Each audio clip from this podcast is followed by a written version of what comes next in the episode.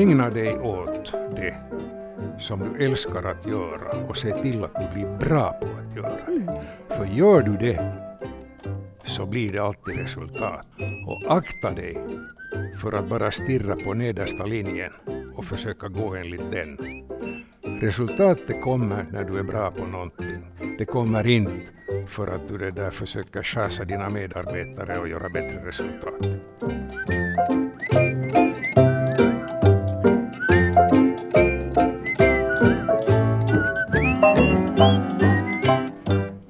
Välkommen till podcasten Gyllene studietider på Hanken. Idag har vi äran att hälsa Henrik Lax välkommen till studion. Mitt namn är Hanna Westerholm. Jag är liksom Henrik Hanken-alumn. I år är det 13 år sedan som jag gick ut Hanken. Då var mitt huvudämne marknadsföring och idag jobbar jag delvis med det här, att producera podcasts, men mest som företagscoach. Henrik, du gick Hanken 1968 till 1973. Och din studietid var mycket präglad av heltidsjobb som jurist, praktik på tingsrätten och av blöjbyten. De flesta känner dig, Henrik, som riksdagsledamot och Europaparlamentariker samt som Svenska folkpartiets kandidat i presidentvalet 2006. Idag ska vi få höra om ekonomen Henrik och vad annat du hunnit med i ditt arbetsliv, förutom politiken. Hjärtligt välkommen, Henrik. Tack Hanna, tack.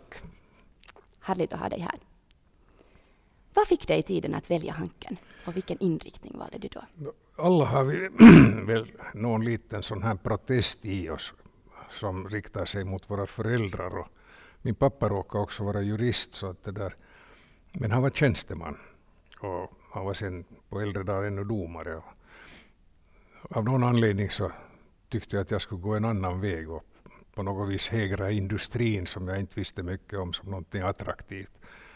Och i ett mycket tidigt skede vid juridiska fakulteten så insåg jag att jag inte ska ägna mig åt forskning. Mm. Och då beslöt jag att, att jag, det där, jag ska försöka sköta, ta, bredda, bredda mina insikter med Hanken. Fint. Hur såg studielivet ut på din tid? No, det, var, det var ju ganska anspråkslöst. Vi var ju den här efterkrigstida generationen och tekniken hade ju inte gått så långt som nu.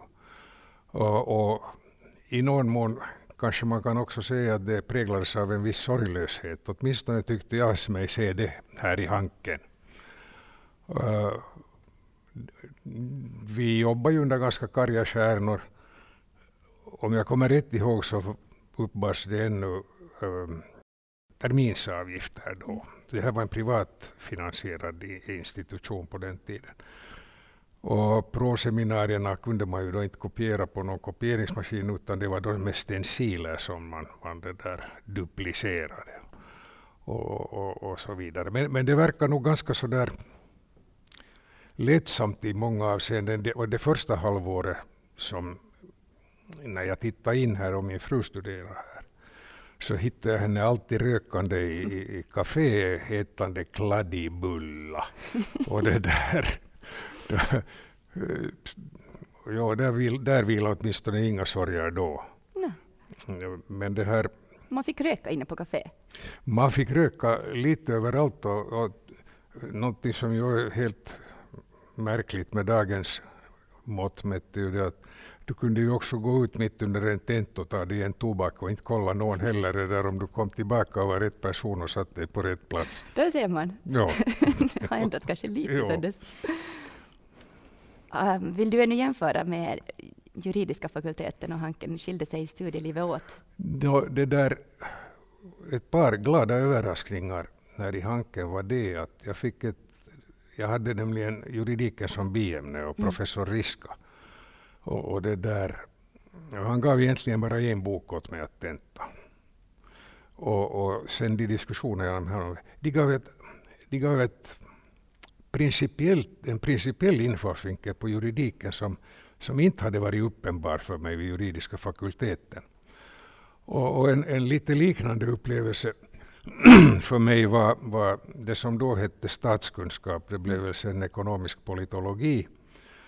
Och, och då var det professor Lulu Crucius Arenberg som ledde det här. Och, och, och, och eftersom jag då satt ting och inte kunde delta i normala uh, proseminarier så fick jag gå på laudaturseminarier. Mm. Och, och hela den där processen så öppnade för mig uh, statsförfattningsrätten på ett sätt som den aldrig hade öppnat sig för mig vid juridiska fakulteten. Att det här är bara två glimtar. Ja. Men, men det där Jo, sen det här att, att jag nu valde Hanken var jag jag hade satsat en del på skatterätten och jag tyckte att redovisningen kunde sitta bra i det sammanhanget och så det valde jag då egentligen som, som mitt egentliga huvudämne. Ja. Mm. Och var det så att du träffade din fru på Hanken? Nej, utan vi träffades faktiskt vid juridiska fakulteten och det där, men hon var klok nog att ta sin Mats ur skolan efter tre månader och sen beslöt att hon går till Hanken följande år. Just så. Och, och, och, vi var så privilegierade på den tiden så att vi fick skriva in oss vid fakult, både vid juridiska och här i Hanken utan några dess mera ceremonier. Man kom in på ett hyfsat betyg på den tiden. har du någon rolig anekdot att berätta kring när du träffade din fru?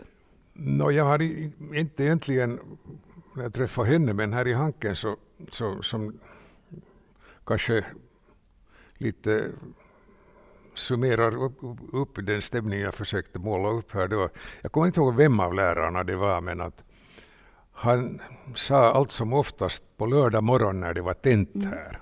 Och stora skaror Hanke kom hit på, tidigt på lördag morgon, den ena glåmigare än den andra. Och så sa han alltid bara att ja, det är sällan man på en gång ser så här många optimister som när ankeiterna kommer för att pröva sin lycka vid tentamenstillfälle. Visste du alltid att du skulle bli politiker? Eller hur blev Nej, det så? visste jag egentligen aldrig. Eh, livet är ju egentligen en serie sammanträffanden och, och det där... Eh, ja, under studenttiden i, då vi, vi Uni, innan vi fick barn, Mm. Så då det där deltog jag lite i Svenska folkpartiets mm, Helsingforskretsmöten. Och det där, men sen, sen blev jag då kallad till Tampella till Tammerfors och då mm. sa, tog jag hattrock och farväl av mina partivänner och sa att nu ger jag mig ut i det verkliga livet och ser hur det ser ut. Att kanske våra vägar möts en gång. Och för att göra en lång historia kort så råkade sig inte bättre än att, än att jag blev ordförande för den mikroskopiska lokalavdelningen som SFP hade i Tammerfors. Mm. Och det föll på min lott att äh, återge Tammerforssvenskarna deras tro på sitt existensberättigande som svenskar i Tammerfors. Mm. Med den påföljd att det där mandatet i fullmäktige återtogs tack vare Rickard Bjurström som då var tillgänglig. Och vi körde det där loppet på tu han och Per Stenbeck som var ordförande i SFP så han hade nog märkt att det började röra på sig i Tammerfors. Och så kom jag från en affärsresa från Kanada och helt det här jetlaggig. Mm. Så ringer telefonen och då, det här var väl då cirka 1980. Så ringer Per Stenbeck och säger att hör du, vi måste ordna en extra partistämma om elva dagar för att utse Jan Magnus Jansson som vår presidentkandidat. Urho Kekkonen ska avgå.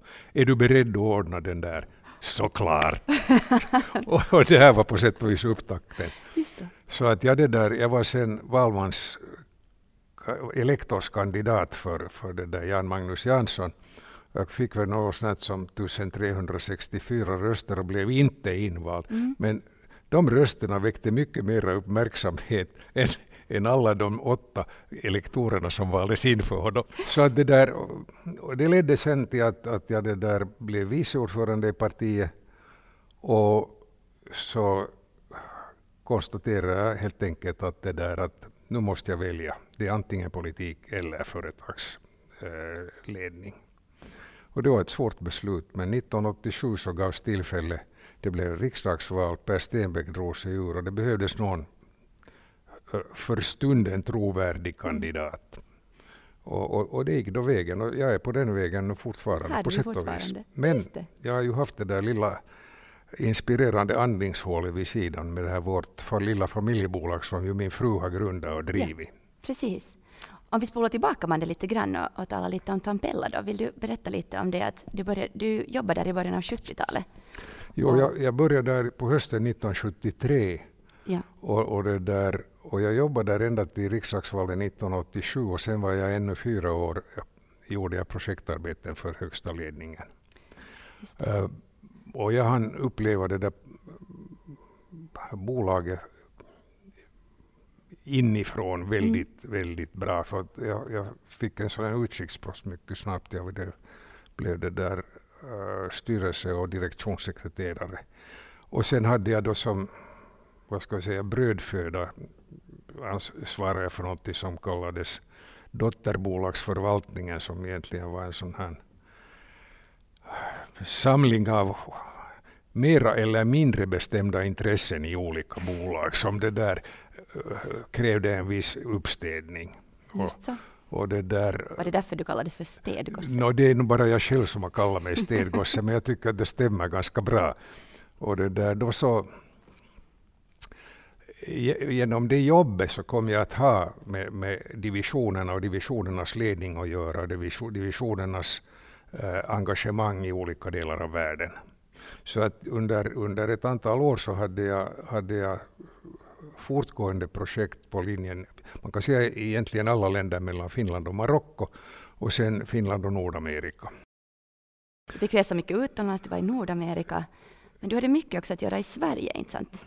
Nå, jag hade, vi hade något litet dotterbolag där och, och det var enstaka uppdrag som jag hade där. Men, men det som, ska vi säga, min stora upplevelse av Sverige var egentligen den att jag fick delta i det här IFLs långa kurs i företagsledning. Mm.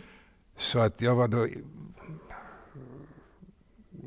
bodde där i internat i, i, i sex veckor. Visserligen kom vi hem till veckosluten, om det inte var strejk. Och det där... eh, Och, och där... Jag var så lyckligt lottad. Lasse Wiberg som ledde den där kursen, det var den enda kursen av de här som han någonsin ledde.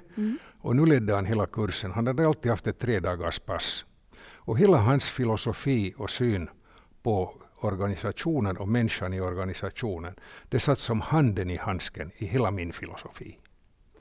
Så till den grad att det inspirerar mig till, till, det där, till att livligt delta i diskussionerna där.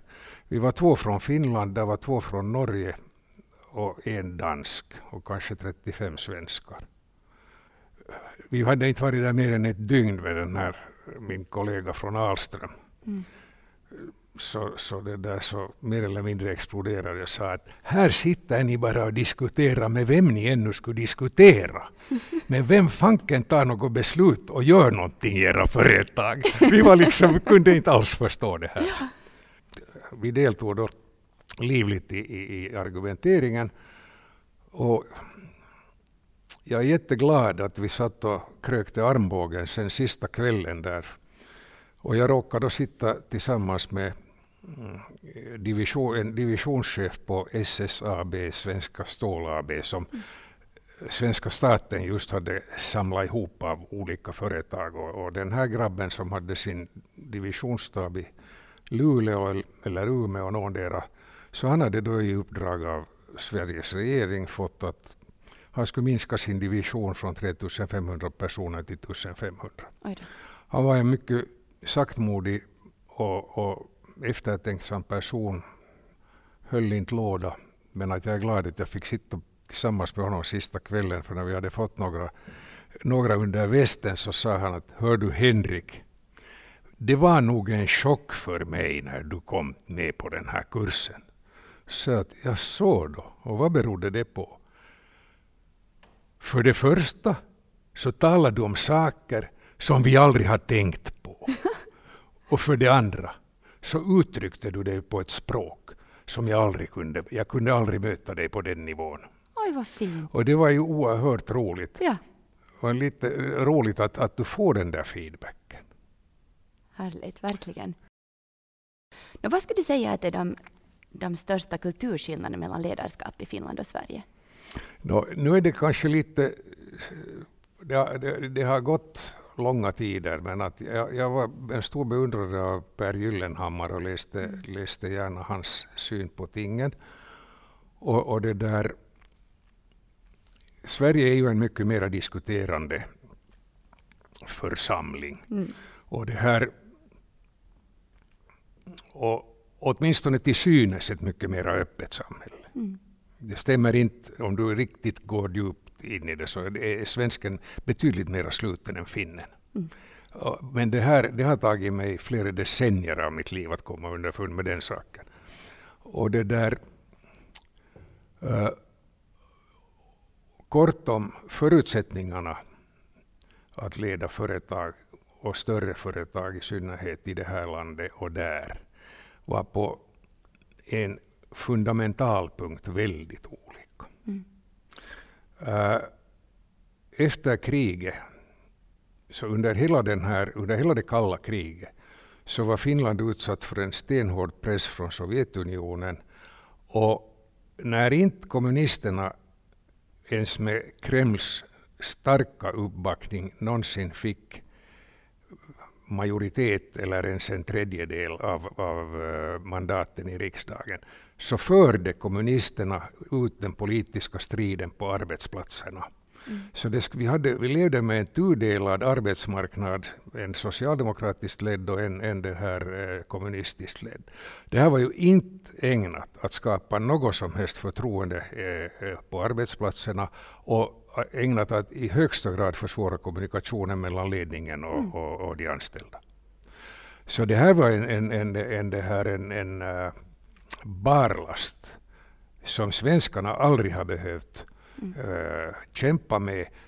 Och hur socialdemokratiskt än Sverige har varit kanske i, i många decennier mm.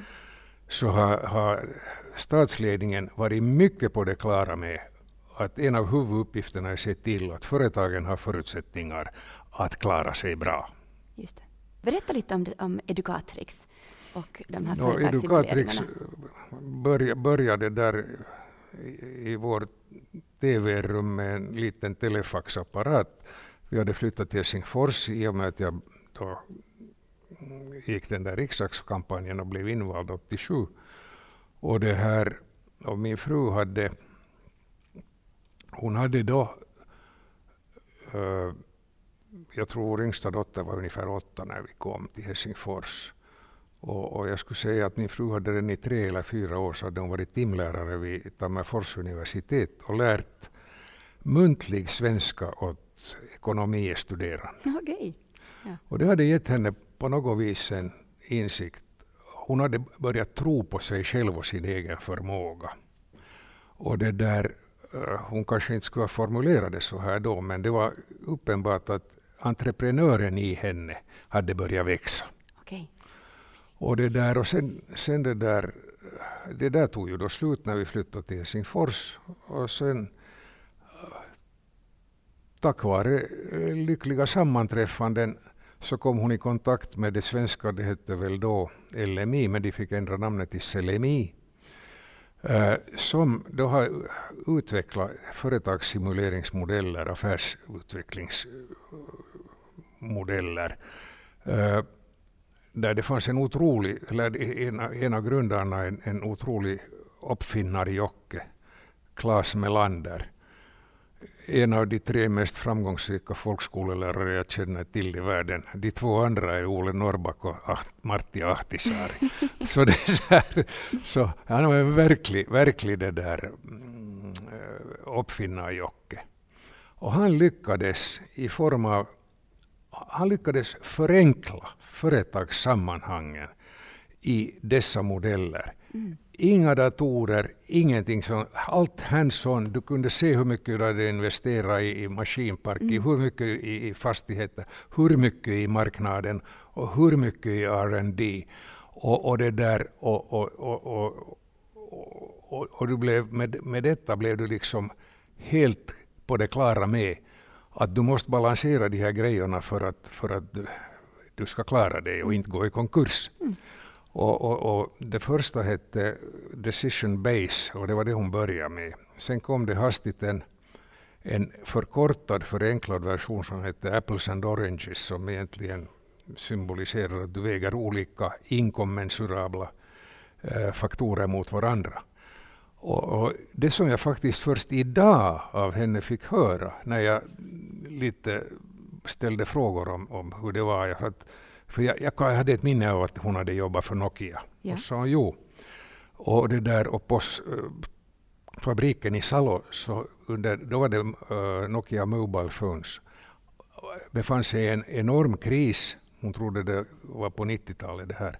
Och, och, och, och de, hade, de hade problem med, med, med kapitalbindning i sina lager. Mm. Och det där, så de körde, de, alltså de här, de, de här verktygen användes för att uh, klargöra businessidén, visa på förändringsbehoven uh, i, i, i, i, i företaget. Och mell, mellanledningen hade då fått gå det där eh, decision base som då var en totalmodell av företaget. Och sen kördes det ner på, på verkstadsgolvet, hela den här, den här Apples and Oranges, mm. som då hade mera med det där produktionsekonomin och lagerhållningen att göra. Och månader, om inte var något år senare, först så fick min fru Krisse i en bisats av den här kvinnan som då hade lett hela det där projektet höra att ja, vi hade nog aldrig kommit ut ur den här krisen utan det här. Och sen med anknytning till Hanken och, och, och, du ville lite veta vad jag haft för nytta av det här annars också mm.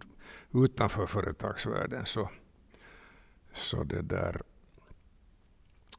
eh, 1968 tror jag det var, möjligen 69, så färdigställdes ett samnordiskt betänkande om förnyande av aktiebolagslagstiftningen. Och Finlands representant i, i den kommittén hette Kurt Olsson, eh, Hankens tidigare rektor. Men då 69 var han redan eh, justitieråd, ledamot av Högsta domstolen, så han blev en kort tid senare president i Högsta domstolen. Och det där, men han hade som en svans kvar från Hanken så hade han fått en, en liten summa pengar för att skriva en handbok om den nya aktiebolagslagen.